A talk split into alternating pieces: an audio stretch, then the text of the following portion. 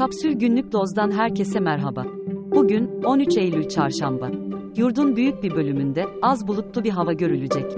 Doğu Karadeniz dahil olmak üzere doğuda bulunan şehirlerde ise yağış ihtimali güçlü. Şimdi haberler.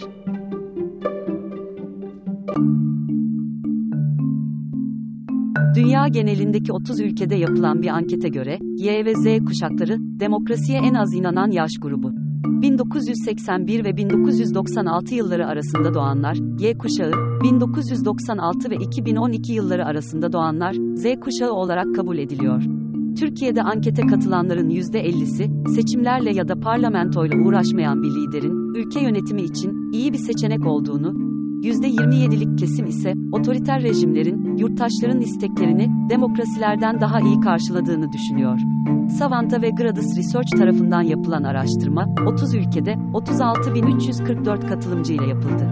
Siyasi hassasiyetler nedeniyle, Suudi Arabistan, Mısır ve Ukrayna'da bazı sorular çıkarıldı veya değiştirildi. Cumhurbaşkanı Erdoğan, Cumhur İttifakı dışındaki partilere yeni anayasa için müzakere çağrısı yaptı. Jandarma, Muğla İkizköy'de yapılması planlanan kömür madeni için Akbelen Ormanı'ndaki nöbet alanına girerek çadırları söktü.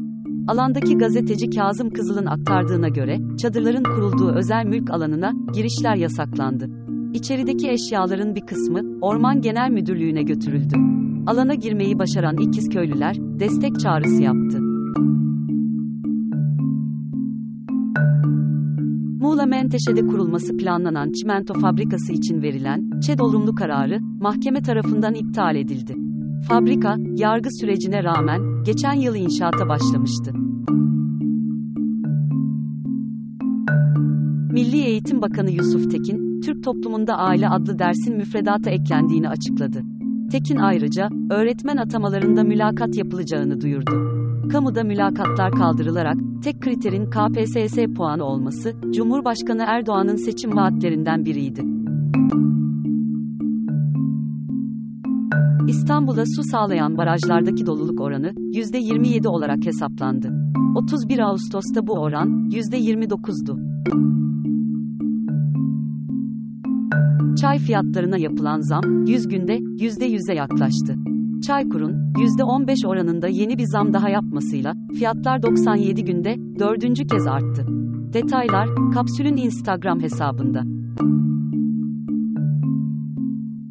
Libya'yı vuran Daniel fırtınası nedeniyle meydana gelen sellerde, hayatını kaybedenlerin sayısı, 5000'i aştı. Kayıp olan 10 bin kişi ise aranıyor. Kayıpların fazlalığı, ölü sayısının artacağına da işaret ediyor. Asya'nın güneydoğusunda etkili olan Haikui tayfununun yol açtığı seller, Çin'deki bir timsah çiftliğinden, 75 civarında Siam cinsi timsahın, serbest kalmasını sağladı.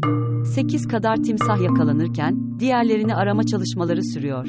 3 metreye kadar uzayabilen Siam timsahları, derileri ve etleri için çiftliklerde yetiştiriliyor. Avrupa Birliği, iklim kriziyle mücadele ve Rus fosil yakıtlarına bağımlılığı sona erdirme planlarının bir parçası olarak 2030 yılı yenilenebilir enerji kullanım hedefini %42,5'a yükseltti. Strasbourg'daki Avrupa Parlamentosu oturumunda kabul edilen yönetmelikten önce bu hedef %32 seviyesindeydi.